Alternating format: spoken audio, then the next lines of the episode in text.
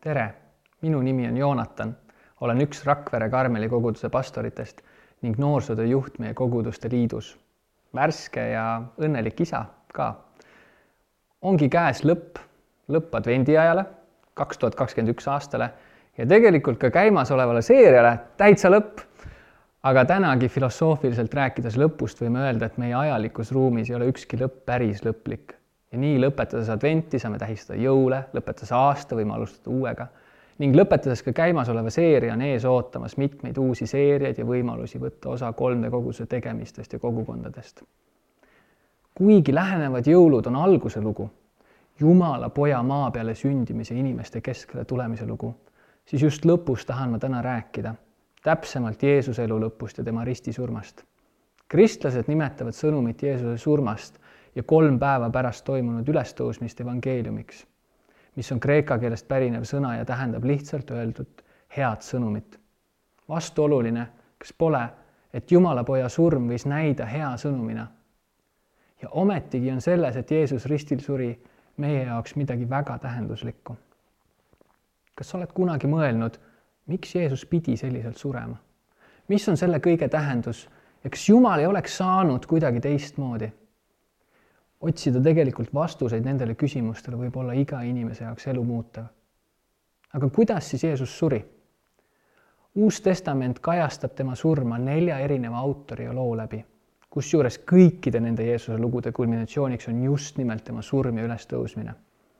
me teame, et Jeesus satub konflikti oma aja religioossete juhtidega ning üks tema õpilastest reedab ta neile ning ta vangistatakse, tema üle mõistetakse ebaõiglaselt kohut ja antakse edasi tsiviilvõimude tollase Rooma riigi esindaja Pilaatuse kätte. Pilaatusel on raske leida Jeesuses tõeliselt süüd. ta laseb populistina, püüdes kergesti ja odavalt saada rahva toetust, teda nende meele heaks brutaalselt peksta ja piitsutada. Rooma sõdurid alandavad, mõnitavad ning piinavad teda. lõpuks hirmus, et Pilaatus tunneb, et teda võidakse näha kui mässajate aitajat määrab Jeesusele rängima suremisviisi, millega karistati suurimaid kurjategijaid ja võimule vastuhakkajaid, hukkamine läbi ristilöömise.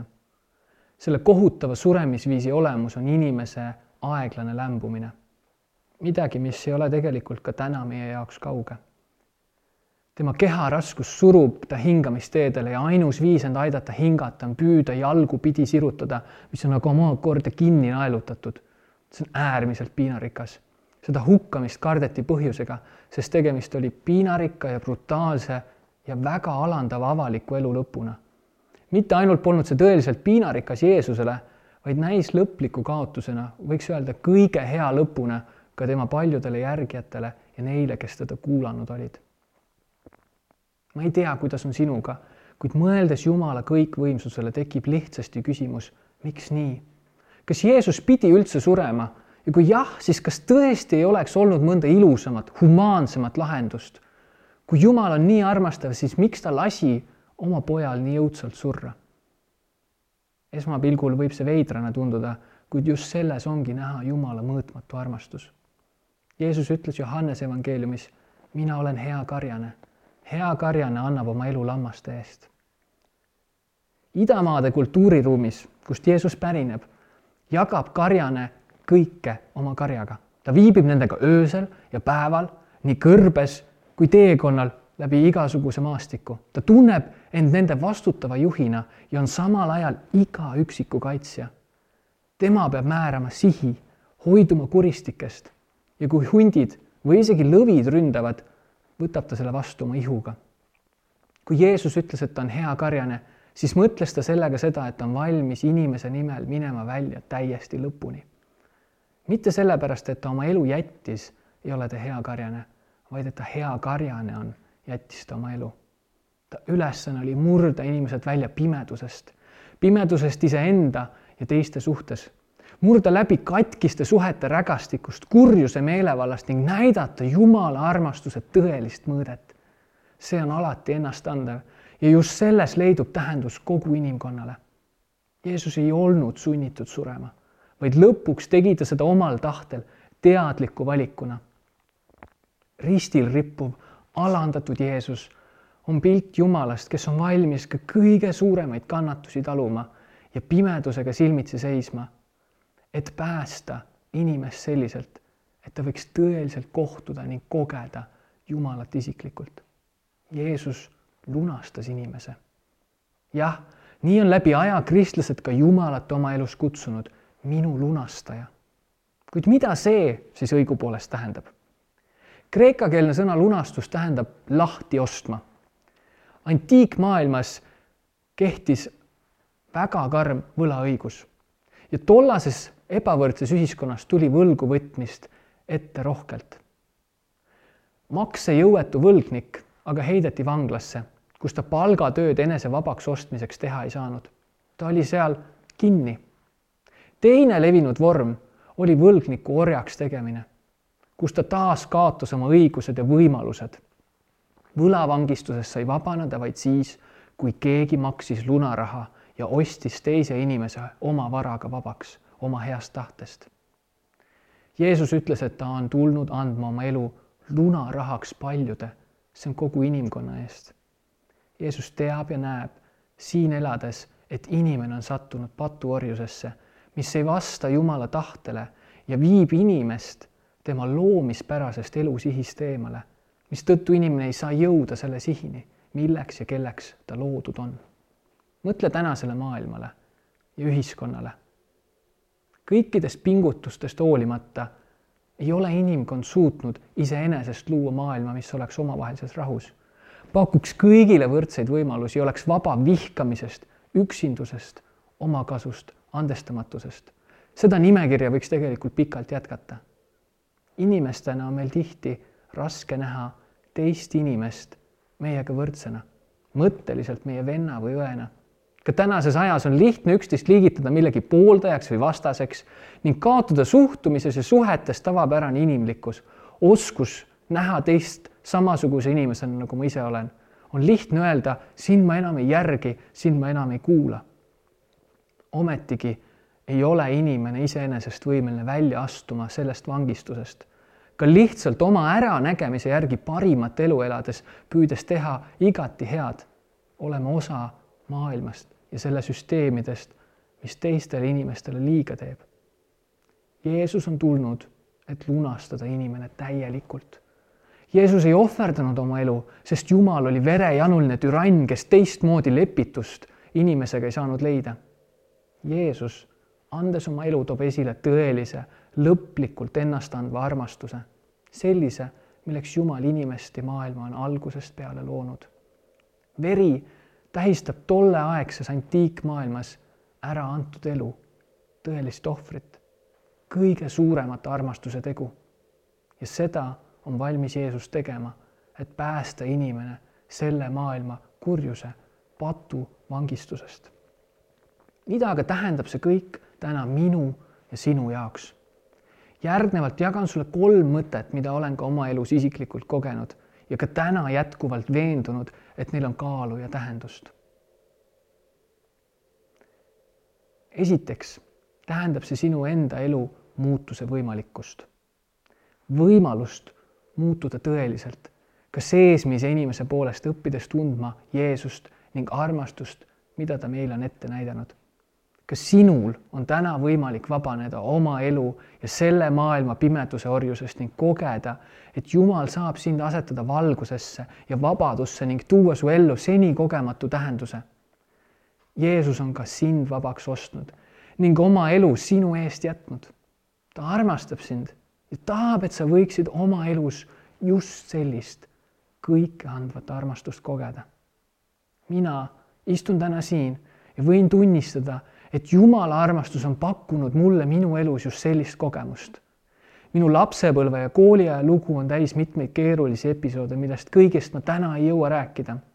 olin küllaltki üksik ja põhikoolis mõned aastad igapäevaselt tõsise koolikiusu ohver, mistõttu kasvas minus pilt iseendast kui kellestki veidrast, teistsugusest, inimestel jalus olevast, kellestki, kelle sõber olla ei tahetud.